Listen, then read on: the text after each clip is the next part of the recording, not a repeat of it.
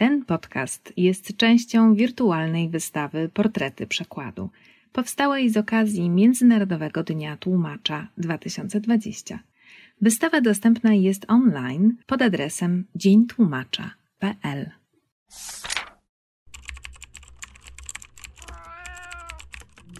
Na przykład podcast Stowarzyszenia Tłumaczy Literatury.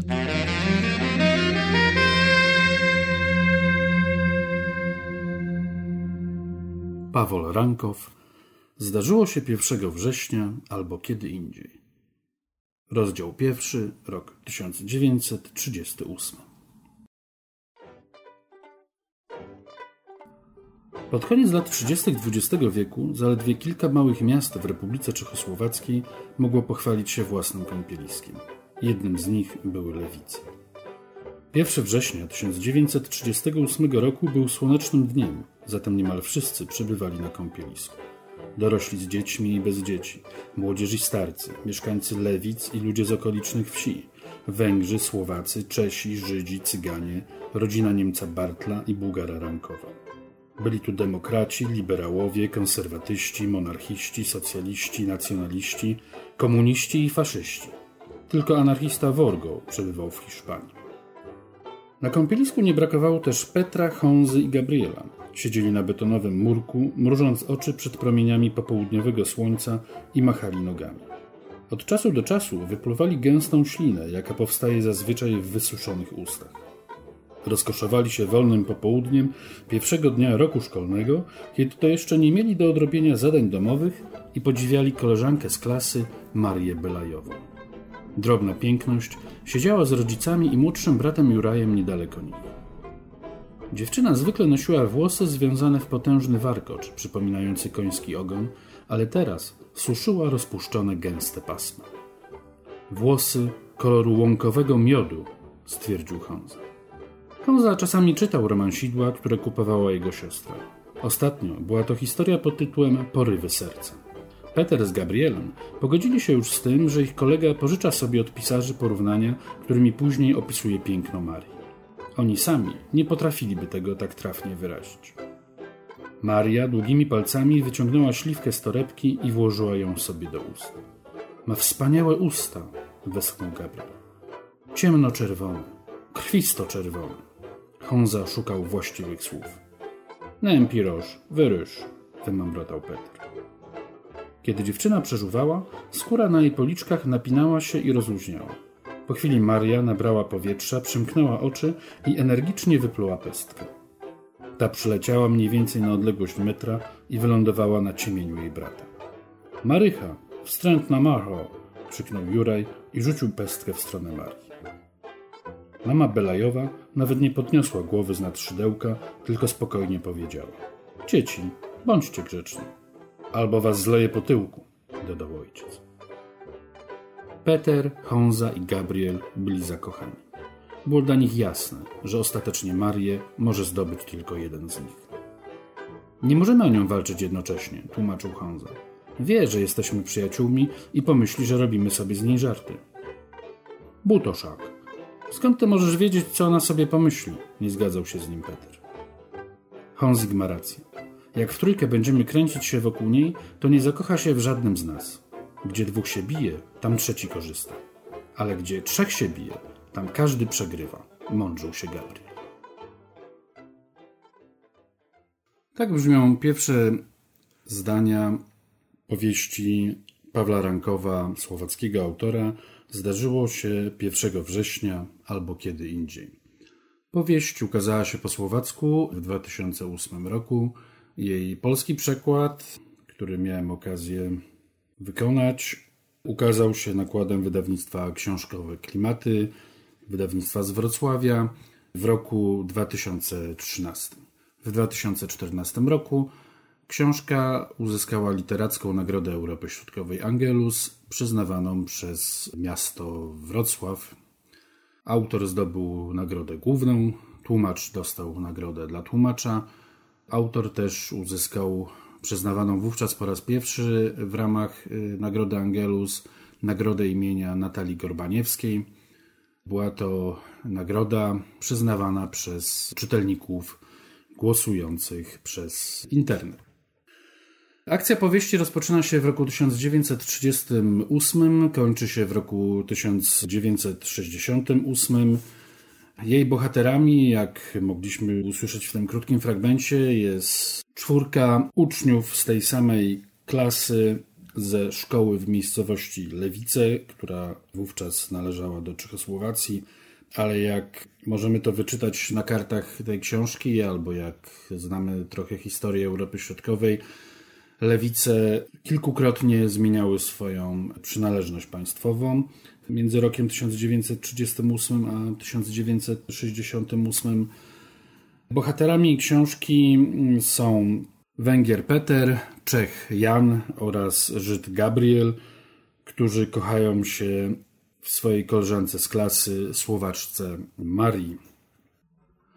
O tym, który z nich trzech będzie jako pierwszy starał się o względy Marii, mają zdecydować zawody pływackie zorganizowane na kąpielisku w Lewicach.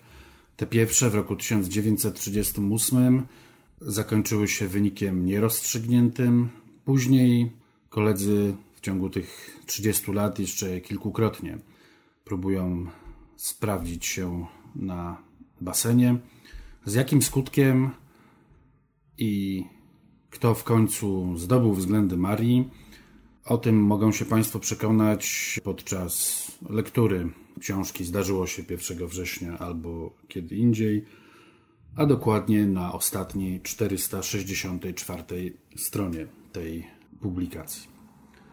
Co jest ciekawe w tej książce, to z jednej strony opowieść o czwórce przyjaciół, a z drugiej przedstawiona w bardzo ciekawy sposób. Historia Europy Środkowej, historia Czech, Słowacji, Czechosłowacji, Węgier oraz innych państw, jaka miała miejsce w ciągu tych 30 lat XX wieku, a o tym, że wówczas w tym rejonie działo się wiele rzeczy, nie tylko pozytywnych, ale również takich, które miały poważne konsekwencje i poważny wpływ na losy zwykłych ludzi, nie trzeba nikogo przekonywać. Po polsku ukazał się też później dramat pod tym samym tytułem. Zdarzyło się 1 września albo kiedy indziej. Jest to adaptacja teatralna napisana przez autora na potrzeby Słowackiego Teatru Narodowego.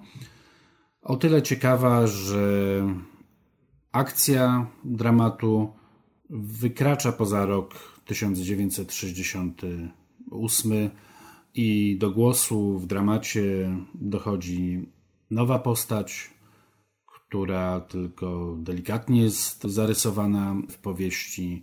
Jest to Katarinka, córka Marii. Co było trudnego w tłumaczeniu tej powieści na język polski, to przede wszystkim oddanie jej wielojęzyczności. Książka jest pisana po słowacku, ale jej bohaterowie, zgodnie z tym, jakiej są narodowości, posługują się językiem czeskim czy węgierskim.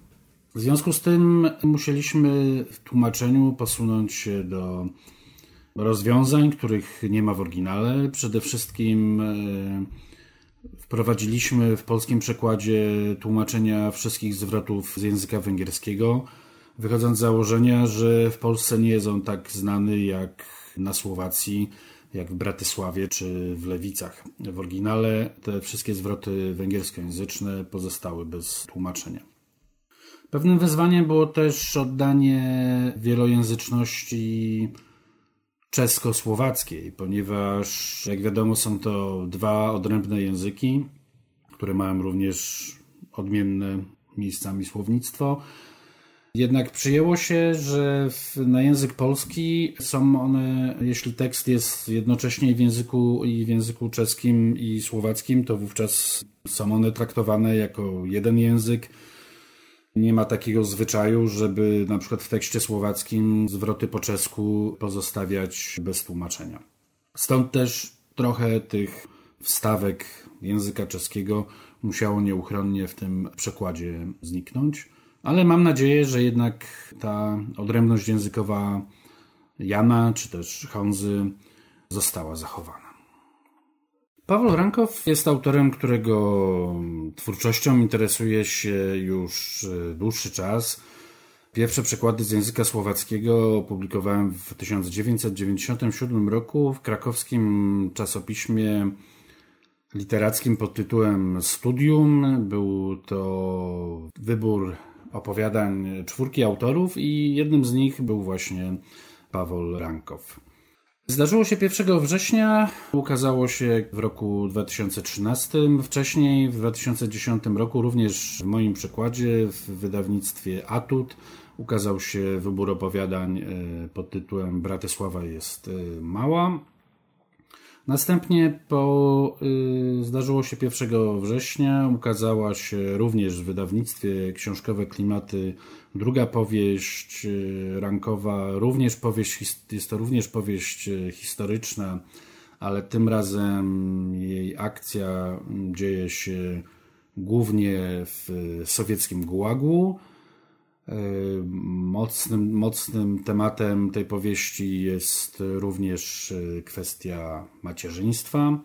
E, powieść nosi tytuł Matki, a jeszcze w tym roku powinna się ukazać również w wydawnictwie książkowe Klimaty kolejna powieść e, zatytułowana Legenda o języku E, powieść e, uniwersytecka, tak można by ją e, częściowo określić, ponieważ głównymi bohaterami jest grupa studentów studiujących historię w 1972 roku w Pradze oraz znany święty, którego pomniki można spotkać w wielu miejscach w Czechach, Także w Polsce, na przykład na Dolnym Śląsku, święty Jan Nepomucen.